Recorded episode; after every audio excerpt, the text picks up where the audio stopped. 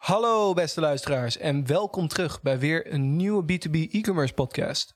Vandaag bespreken we het onderwerp waar iedere merchant altijd naar uitkijkt, namelijk de livegang van de nieuwe webshop. Ik zal het onderwerp bespreken met ervaringsdeskundige Robert Gundukken, CTO van TIG. Dankjewel.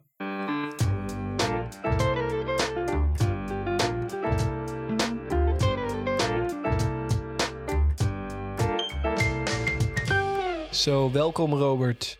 Ja, dankjewel uh, Imre. Helemaal in onze nieuwe studio. Ja, ik wou er net een uh, opmerking over maken. Dit ziet er uh, echt professioneel uit. Ik zie koptelefoons, ik zie dure microfoons. Kunnen volgens mij hier nu vier mensen aansluiten met gepaste afstand van elkaar. Ja, ja, we maken inderdaad wel wat stappen. Want de vorige podcast die we opnamen, dat was allemaal digitaal. Hè? Dat jij nog met de koptelefoon van je kinderen op geluid aan het inspreken was. Ja, dat kon even geen Fortnite gespeeld worden. Nee, maar we zijn nu een, uh, weer een stapje verder. En uh, hopelijk klinkt het net wat beter. Dat we uh, Robert nog duidelijker kunnen verstaan en zijn mening kunnen horen en daarop kunnen voortbouwen. Dus dankjewel Robert, ook voor de aanwezigheid hier. En laten we gebruik maken van het nieuwe stemgeluid. met een eerste vraag, eigenlijk de, gelijk over de livegang. en dat is eigenlijk, wat komt er nou eigenlijk allemaal kijken bij een livegang? Ik denk dat heel veel luisteraars daar wel benieuwd naar zijn. Uh, misschien hebben ze zelf ooit die stap gezet of willen ze die stap gaan zetten in de nabije toekomst. Wat komt er nou allemaal kijken bij zo'n livegang? Ja, ja, dat is een hele goede vraag. Ja, we hebben uh, recentelijk nog een livegang gedaan, dus het zit vers in het geheugen. Ja, waar je aan moet denken. Kijk, een softwareproject dat begint en dan heeft het een, een looptijd van een x aantal maanden. En op een gegeven moment uh, ja, komt dan het moment dat de oude shop vervangen wordt voor de nieuwe shop of een uitbreiding erop. Ja, waar je als team vaak en ook als merchant op focust, is natuurlijk de functionaliteit en zorg dat alles af is. Uh, maar ja, er, komen nog zoveel meer punten bij kijken bij zo'n lijfgang. En uh, ja, het, het, het, belangrijkste is wat wij altijd doen uh, om er goed op voorbereid te zijn, is ja, checklists maken. Dus alles wat je tegenkomt al gedurende de periode, zet het op een lijstje, zodat als je op het moment dat de datum dichterbij komt, dat je in ieder geval alles van die lijst kan afstrepen. En ja, een van de punten die altijd bovenaan van onze checklist staat, is: is iedereen op de hoogte? Daar, daar kan je al ja, ruim voor de deadline, de opleverdatum, mee beginnen. En dat is niet uh, ja, wat voor de hand ligt, natuurlijk de, de klanten van de webshop. Weten ze wanneer de site gaat veranderen. Maar ook uh, ja, de medewerkers van de merchant. Dus iedereen, ja, zijn die ook allemaal op de hoogte dat er iets gaat gebeuren met de website en op welke datum. Ja, wat je bijvoorbeeld kan voorstellen is dat op het moment dat de website ja, naar de nieuwe versie is, dat er dan vanuit de klant, of dat nou B2C is of B2B, heel veel vragen komen van waar zit dit nou? Of uh, ik zie dat veranderd is, of misschien willen ze wel compliment geven. Maar dat betekent dus dat ja, je krijgt gewoon meer telefoonverkeer, meer e-mailverkeer. Oftewel, je hebt meer personeel nodig. Ja, en dat helpt als iedereen onboord is. Dus ja, niet alleen de, de product owners. En ja, wij als uh, development bedrijf staan natuurlijk uh, ja, wel op scherp. Dus uh, iedereen weet dat er een website wordt opgeleverd. En ja, mocht er iemand even bij moeten springen, dan weten we dat. En dan kunnen we ook opschalen. Maar dat betekent ook aan de klantkant, want die kan ook vragen krijgen.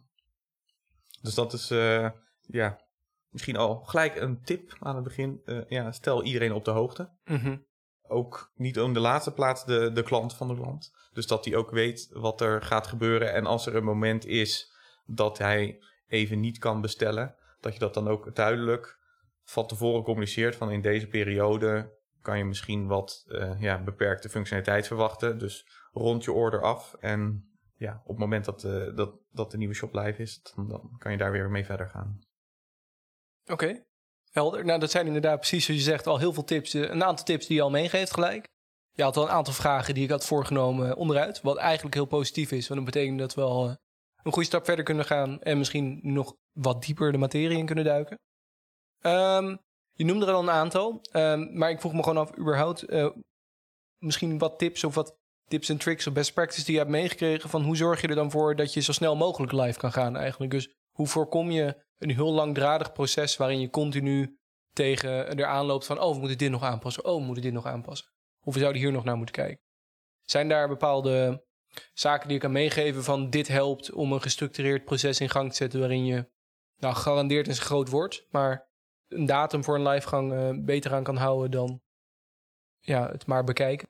Zeker, zeker. Ja, net hadden we natuurlijk al over de checklist. Mhm. Wij hebben natuurlijk door de jaren heen uh, ja, checklist opgebouwd van waar moet, wat je, moet je nou allemaal checken.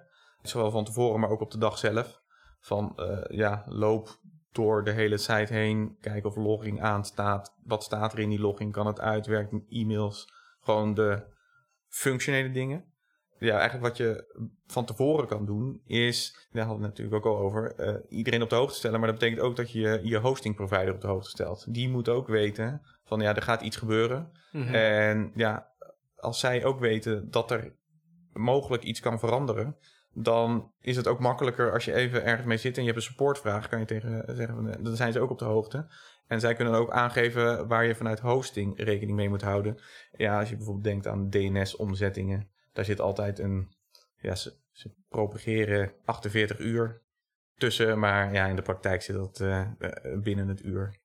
Uh, maar ja, je moet er wel even rekening mee houden dat als er iets, in, iets moet aangepast worden, dat, ja, dat, dat dat geregeld is. Wat ook uh, goed is om te meten, en dat doen wij eigenlijk al van tevoren, is dat we de site klaarzetten op een staging omgeving.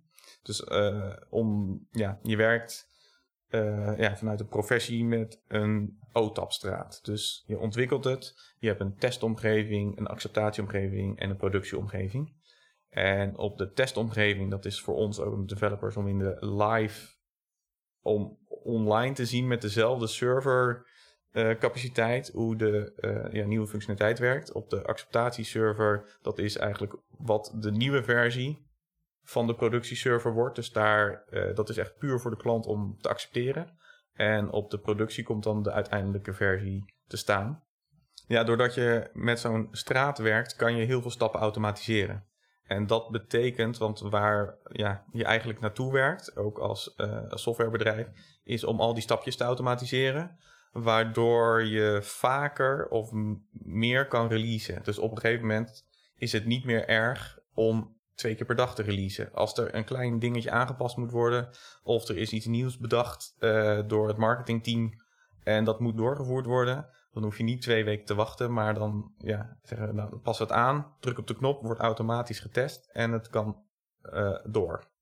Dus dan, doordat je al die uh, loop hebt, dat het zo snel gaat, maakt het niet meer uit of er kleine of grote aanpassingen worden live gezet. Als ze maar getest zijn en akkoord bevonden op de acceptatieomgeving. Ja. En, en als ze dan akkoord worden gegeven op de acceptatieomgeving en je hebt toevallig de tijd om daarna weer verder mee te gaan, dan zou die echt binnen een paar seconden gelijk live kunnen staan? Ja, ja, kijk, op het moment dat de acceptatie geaccepteerd is, dan kan er door een ontwikkelaar of DevOps, die kan dan zeggen van, nou, deze functionaliteit is akkoord, voegen het samen en wordt automatisch uitgerold op de productieomgeving. Waardoor je dus uh, ja, wat doen ja, de systemen die communiceren automatisch met elkaar en dan wordt het automatisch uitgerold. Dus daardoor, omdat het allemaal geautomatiseerd is, kan je meerdere malen per dag een update doen aan je website. Oké, en, en dan misschien eentje een, eh, een amateuristische vraag. Maar we hebben het al een keer eerder gehad over uh, PWA natuurlijk, hè? over het uh, kunnen cachen van je omgeving. Um, van de frontend, om het sneller te kunnen maken. Uh, cache werkt natuurlijk ook gewoon voor normale webshops zonder PWA. Maar stel ik voer nou een verwijziging door dat ik bijvoorbeeld een nieuwe menubalk heb, bij wijze van. En je hebt een klant die op dat moment in je shop zit. Uh, als hij dan alleen de pagina herlaat, ziet hij dan ook gelijk het menu? Of is dat iets waarvoor hij eigenlijk weer de pagina compleet opnieuw moet bezoeken? Nou, hoe dat werkt is dat je... Nou, dat begint al specifiek. Dat jij op het moment dat je op de... Uh, ja, dat de site wordt geüpdate... dan ja, kan het zijn dat hij op het ene moment het oude menu ziet... Klikt hij, dan krijgt hij het nieuwe menu. Onderdeel van het automatisch uitrollen is te kijken welke caches er niet meer valid zijn. Dus welke caches kloppen nog en welke niet. En degene die niet meer kloppen, die worden uit de cache gehaald. Waardoor, ja, hij als die klikt, precies net voor de update, dan ziet hij nog net het oude menu. Klikt hij dan in het menu, krijgt hij het nieuwe menu. Wat wel bewaard blijft zijn natuurlijk sessions, dus zijn winkelwagen blijft altijd gevuld. Dit is wel een ja, een update van je huidige site. Als jij uh, ja, live gaat, dan kan het dus zijn dat jij niet een feature live zet, maar een hele nieuwe webshop. En dat ja. kan langer duren. Oké. ja, dan daarop voortbouwend, is een livegang zelf, heeft dat nog een voorkeur of je dat midden in de nacht doet? Of dat maakt dat niet zoveel uit? Of is daar een best practice voor? Van, is er een tijdstip dat nou handig werkt om eh, daadwerkelijk live te gaan? Ja, kijk, in de, deze business, om het maar even te zeggen, eh, zijn maandag, dinsdag, woensdag zijn ongeveer de dagen dat je echt grote aanpassingen wil doorvoeren. Eh, we hebben de afspraak donderdag tot 12 uur. Dus ook nog oké. Na 12 uur moet er akkoord zijn van meerdere developers binnen het team. En waar komt dat nou door? Dat is omdat er eh, ja, veel mensen zijn vrij op vrijdag. En dat hoeft dan, ja, voor ons is dat dan geen probleem van ons kantoor. Maar misschien is er iemand waarmee je samenwerkt en je een connectie hebt, bijvoorbeeld met een koppeling met een ander systeem, die dan minder bereikbaar is. Dus op het moment dat jij uh, laat op de dag en laat in de week een release gaat doen, dan is het, kan het zo zijn dat jij ja, supportnummers moet gaan draaien om tien uur s'nachts uh, moet gaan bellen, om dan een antwoord te krijgen. Ja, noodnummers en niemand bereikbaar. Wij hebben meestal de, de regel van als we iets live willen zetten, dan doen we het liefst maandag, dinsdag, woensdag. En dan in de ochtend, dan kunnen we de hele dag monitoren hoe het gaat. Dan is iedereen bereikbaar, iedereen kan je bellen. En dan heb je genoeg tijd om, ja, als het dan, ja, heb je acht uur lang de tijd mm-hmm. om uh, ervoor te zorgen dat het uh, stabiel draait. Oké. Okay. Dus uh, idealiter uh, ga je niet op, uh, tenzij mensen heel erg bereid zijn om het weekend te werken, op zaterdagnacht of zaterdagmorgen een nieuwe webshop live zetten. Nee, nee, meestal is dat niet het handigste moment. Ja, en vooral om de, de redenen die net genoemd zijn. Ja. Dan, dan is de hosting provider, heb je het noodnummer nodig om met iemand in contact te komen. Mm -hmm. En ja, alle doorlooptijden zijn dan langer. Oké. Okay. Het gaat al deels richting de vraag die je vervolgens was stellen. Die eigenlijk ook een beetje voortkomt uit een vraag die we binnenkregen van een van onze luisteraars. Freek stelde ons de vraag: wat is nou het verschil tussen het ontwerpen of het maken van een webshop van B2B en B2C? Het is niet één op één natuurlijk aanliggend, want het is natuurlijk specifiek onderwerp. Maar de vraag die ik hierop wou stellen is eigenlijk: zie jij een verschil in een livegang van een B2C webshop en een B2B webshop? Het verschil in livegang tussen een B2B en een B2C webshop kan je vooral zien aan ja, de, de klanten van de klant. Uh, ja, de klanten van de merchant. Wij zien dat bij een B2B webshop eigenlijk de klantrelatie belangrijker is.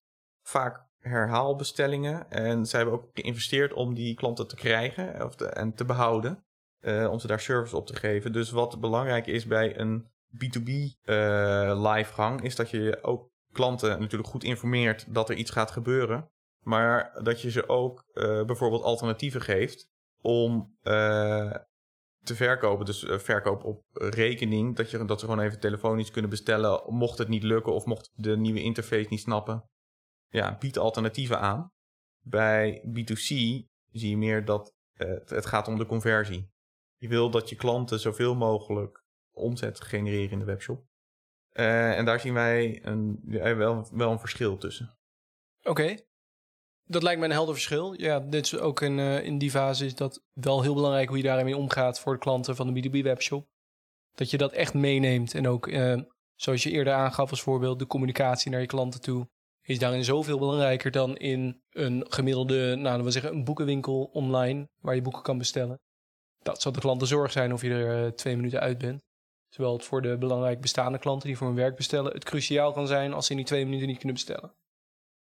Oké. Um, nou, dan nog even een andere vraag. We hebben al heel veel dingen benoemd. En je hebt al een aantal tips gegeven. Maar misschien om nou even daar nog wat te specificeren. Misschien zou ik je graag willen vragen om een, een voorbeeld. Je hoeft het niet bij naam te noemen. Van een webshop waarbij de, de livegang minder soepel verliep dan je had gewild. En hoe je daar misschien lering uit hebt getrokken om dat te voorkomen voor de toekomst. Minder vlekkeloos. Nou ja, ik denk dat door de jaren heen dat het, uh, de procedure steeds strikter is geworden. En ja, we noemen altijd de, de e-commerce markt of de, ja, waar we in zitten, dat is high energy. En op het moment dat er iets is met een webshop, dus uh, bij een livegang is die even uh, minder bereikbaar of heeft die beperkte functionaliteit, dan kost het gewoon geld. Het kost de merchant geld. Dus daaruit hebben we ja, eigenlijk wel door de jaren heen de lering getrokken dat eigenlijk uh, je niet tot het einde uh, van je, uh, ja, tot de deadline, niet moet focussen op dat het maar functioneel goed zit. Dat maar alle functionaliteit die de klant wil, dat je die in de webshop maakt. Maar eigenlijk dat je, ja, je maakt afspraken over wat het moet doen. En al geheel, al tijdens de rit komt de klant er vaak achter dat er eigenlijk toch nog wat dingen zijn die de stakeholders ook willen.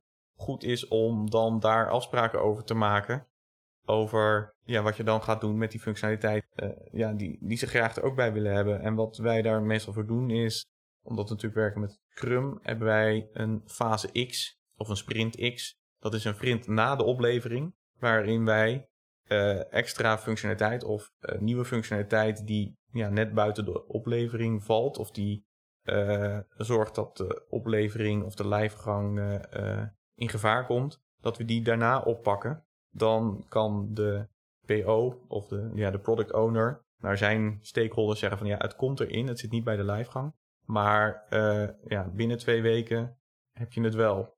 En dat is meestal waar de klant mee akkoord gaat. Omdat zij eigenlijk in de eerste, uh, ja, dat ze in eerste instantie hebben afgesproken, dat krijgen ze gewoon op de dag uh, van de lijfgang. En ja, in de komende twee weken daarna komt dan de extra functionaliteit die ze ook gewenst hadden. Uh, maar dat zorgt dan voor minder stress op de dag zelf.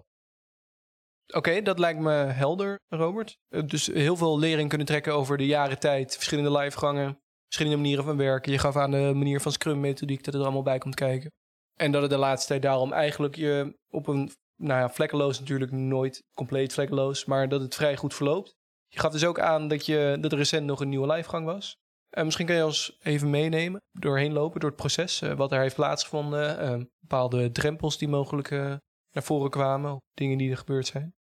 ja, dat kan, dat kan. Nee, we hebben recentelijk nog een Magento 2 B2B webshop live gezet. Een enterprise, een commerce heet dat tegenwoordig, Magento Commerce. Samen met de B2B module van Magento. En een leuke twist aan die module is dat die klant die is op zoek naar dat alle adressen op company niveau worden opgeslagen. En ja, Magento out of the box slaat alle adressen bij customers op. Dus dat betekent dat een customer niet het, het adres kan inzien van een andere customer, terwijl ze wel bij hetzelfde bedrijf werken. Twee inkopers die zullen allebei een eigen adres hebben van de, uh, de omgeving. Zullen allebei een eigen adres hebben uh, opgeslagen in de database, terwijl ze bij hetzelfde bedrijf werken. En daarvoor hebben we dus een module toegevoegd die dat gaat beheren voor je, zodat jij maar één adres hoeft aan te passen. En dat eigenlijk customers adressen delen met elkaar. Ja, en dat was eigenlijk een van de belangrijkste dingen waarom de klant die module binnen Magento 2 uh, eh, wilde hebben. Om even een beeld te schetsen van die klant. Die hebben we recentelijk live gezet. En ja, wederom checklist. Overleg met de hostingpartij. Uh, dat we een livegang gingen doen de klant zelf had aangekondigd al van tevoren dat zij die update gingen doen. Ja, het leuke aan het hele verhaal was, is dat ze op de dag zelf, dat ze uh, de echte livegang gingen doen, hadden ze ook een mailing gestuurd naar alle, al hun klanten. En ja, dat betekent dus dat je, ja, wat we eraan van geleerd hebben is dat, het, uh, dat je het beter in batches kan doen. En dat advies hadden ze ook graag meegegeven als we het wisten. Want hoeveel klanten hebben zij? Even puur voor de beeldvorming. Hebben we dan over duizenden? Of? Uh, duizenden, ja. Dus er werden op dag zelf van dat de, de webshop live stond, zijn er dus duizenden e-mails verstuurd van uh, kijk, hier is onze nieuwe webshop en uh, login. Spannend. Ja, dat is dus meteen een vuurdoop. Het, het leuke daarvan is dat de webshop die is gewoon staande gebleven en iedereen die kon gewoon goed afrekenen. Ja, toch is ons advies op het moment dat er een nieuwe shop is en je wil je klanten erover adviseren, doe dat dan in batches uh, van ja, 200, 500. Kijk even wat je kan opbouwen. Vooral om dan even te zien hoe de server reageert op, uh, ja, als er heel veel mensen tegelijk gaan inloggen. Uh, ja, het leuke van dit hele verhaal was, is dat de server het makkelijk aankon. En ja, ze zijn de dag gewoon goed doorgekomen. En hebben we ook al mooie reacties mogen ontvangen van klanten die er gekeken hebben? Ja, ja het, het, is dan wel leuk dat uh, de klant die hangt dan ook al smiddags meteen aan de telefoon met uh, complimenten. We krijgen alleen maar goede reacties op de shop. Erg blij. En dat maakt ons natuurlijk weer blij, want dat uh, ja, stimuleert toch ook ons en ook onze developers om ja, kwalitatief goede software te maken. Nou ja, daar doe je het uiteindelijk voor. Ik, ik bedacht me net een ander puntje. Naar het nou, interessant voorbeeld ook, dat je een goed uitleg van hoe het dan verlopen is. Maar gebeurt het vaak dat um, klanten pas na de livegang beseffen dat ze eigenlijk nog iets missen? Nou, wij bereiden ze er altijd wel op voor. Want ja, iets missen. je komt er altijd achter op het moment dat, dat je iets ziet. Wat er dan nog beter kan of anders kan. Of iets wat je had voorgesteld. En je helemaal in je hoofd had uitgedacht. Hoe dat, als je dat dan voor je ziet op het scherm. Ja, dat het dan eigenlijk net even anders had uh, gemoeten of anders werkt. Dat blijf je houden. Dat is natuurlijk niet in gevallen. Maar je hebt wel echt ja, situaties. Je denkt van, nou, wat kan ik daar dan aan doen? ja, wat wij daar meestal mee doen, is wij nemen die klant natuurlijk mee met al onze sprintdemo's. Dus hij ziet het opbouwen. Maar op een gegeven moment dan heb je er al zo goed over nagedacht en iedereen die snapt het. En pas op het moment dat de website live staat, zegt iemand: Ja, maar zo werkt het niet. Of uh, uh, volgens mij willen onze klanten dit. En ja, daarvoor is die de week, twee weken, de sprint na de livegang ook zo belangrijk. Uh, om niet alle capaciteit te reserveren tot de livegang, maar ook door te trekken na de lijfgang om dan nog snel aanpassingen te kunnen doen. Kijk, het gros is dan getest en het werkt. En dan kan je dus echt focussen op die specifieke punten die de klant dan anders wil of waar die feedback op krijgt om dat aan, ja, om dat aan te pakken. En wat wij dan altijd doen is na de lijfgang bieden we altijd ook uh, eh, eh, SLA's aan. En in die SLA daar zit natuurlijk standaard support en monitoring. Maar daar kan je ook al vast ontwikkeluren inkopen voor na de lijfgang. En dat is meestal tegen een gereduceerder tarief dan dat je gewoon zou betalen als je opbelt. Dus de lijfgang is niet het, uh, niet het einde van het verhaal. Stopt het niet. Het is het begin. Het is slechts het begin. Uh, misschien ook goed uh, om te melden aan onze luisteraars. Kijk, op het moment dat je live gaat, dan begint het pas, zeiden we net. Wat we ook altijd doen in periode na de lijfgang. Dus dan prikken we na een week, na twee weken een moment om even samen met de klant door de Google Analytics heen te gaan. In de Google Analytics zie je dus de pagina's die niet worden gevonden, waar klanten ja, nog wel op terechtkomen vanuit Google. Kijk, in het livegangproces zit natuurlijk al die URL rewrites. Dus op het moment dat een URL op een andere locatie gaat terechtkomen dan in de vorige shop, worden ze uh, geredirect dat ze altijd op het goede punt uitkomen. Maar het kan natuurlijk zijn dat er een paar URL's tussen zaten die verplaatst zijn of nog niet goed staan. En dat haal je dus allemaal uit die Google Analytics. Wat we ook nog meer doen is even uh, Lighthouse even checken. Google Tool, PageSpeed. Te zien, staat alles goed? Zijn alle SEO-teksten correct overgenomen? Is de integratie helemaal gelukt zoals we wilden? Check even je Google Analytics na een week, na twee weken om de verschillen tussen de twee websites eruit te halen. Oké, helder. En dan even daar volgend. Stel je hebt dus een oude webshop. En je hebt dus oude URL. En stel je, je nieuwe webshop komt onder een nieuwe naam naar voren. Zou je dan adviseren om je oude webshop eigenlijk gewoon niet meer live te zetten? Of nog wel beschikbaar te maken, maar laten doorverbinden naar je nieuwe site? Nou, wat wij altijd adviseren is op het moment dat er een uh, nieuwe webshop live gaat, is dat wij de oude nog wel beschikbaar houden, maar afgeschermd, zodat er geen customers meer komen, maar dat je nog wel toegang hebt tot de data, mochten er vragen komen over uh, ja, orders uit het verleden. Mm Ook al zijn ze gemigreerd, je kan dan toch nog altijd even, heb je een backup om terug te kijken van wat is er toen gezegd, wat is er toen gedaan. Ja, wat jij vraagt van als er een ander domeinnaam is, uh, dan stellen we altijd in dat het oude domein gaat forwarden dan naar de locatie op het nieuwe domein. En je kan daar speciale instellingen doen. Dus bijvoorbeeld een, uh, je geeft dan mee een HTTP-status 302. Even technisch, maar dat betekent deze pagina bestaat niet meer, maar is altijd te vinden op het adres waar ik hem nu naartoe stuur. En dat betekent dat Google ook snapt, ik ga hem niet meer daar vinden, maar ik ga hem nu altijd daar vinden ja, een tipje is daarbij bij, kijk uit als je dat doet op je staging omgevingen.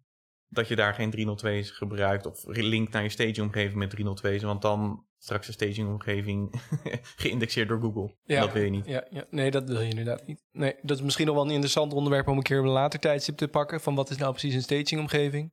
Misschien nog even heel van kort, mocht iemand niet weten wat het is, Robert. Hoe zou je een staging omgeving beschrijven? Nou, wij, ja, wij zien dat als uh, het, het, testomgeving waar wij nieuwe code uitrollen. Het is vergelijkbaar in de OTAP-straat uh, met ja, het is een beetje tussen test en acceptatie in. Acceptatie is echt puur voor de klant, test is echt puur voor de developers. Maar als een klant zegt, ja, we hoeven niet vier servers in de lucht te houden, dat is iets te groot. Dan voegen we eigenlijk test en acceptatie samen, dat noemen we dan een staging. En dat is dus een omgeving voor de klant om te kijken naar nieuwe functionaliteit. Oké, helder.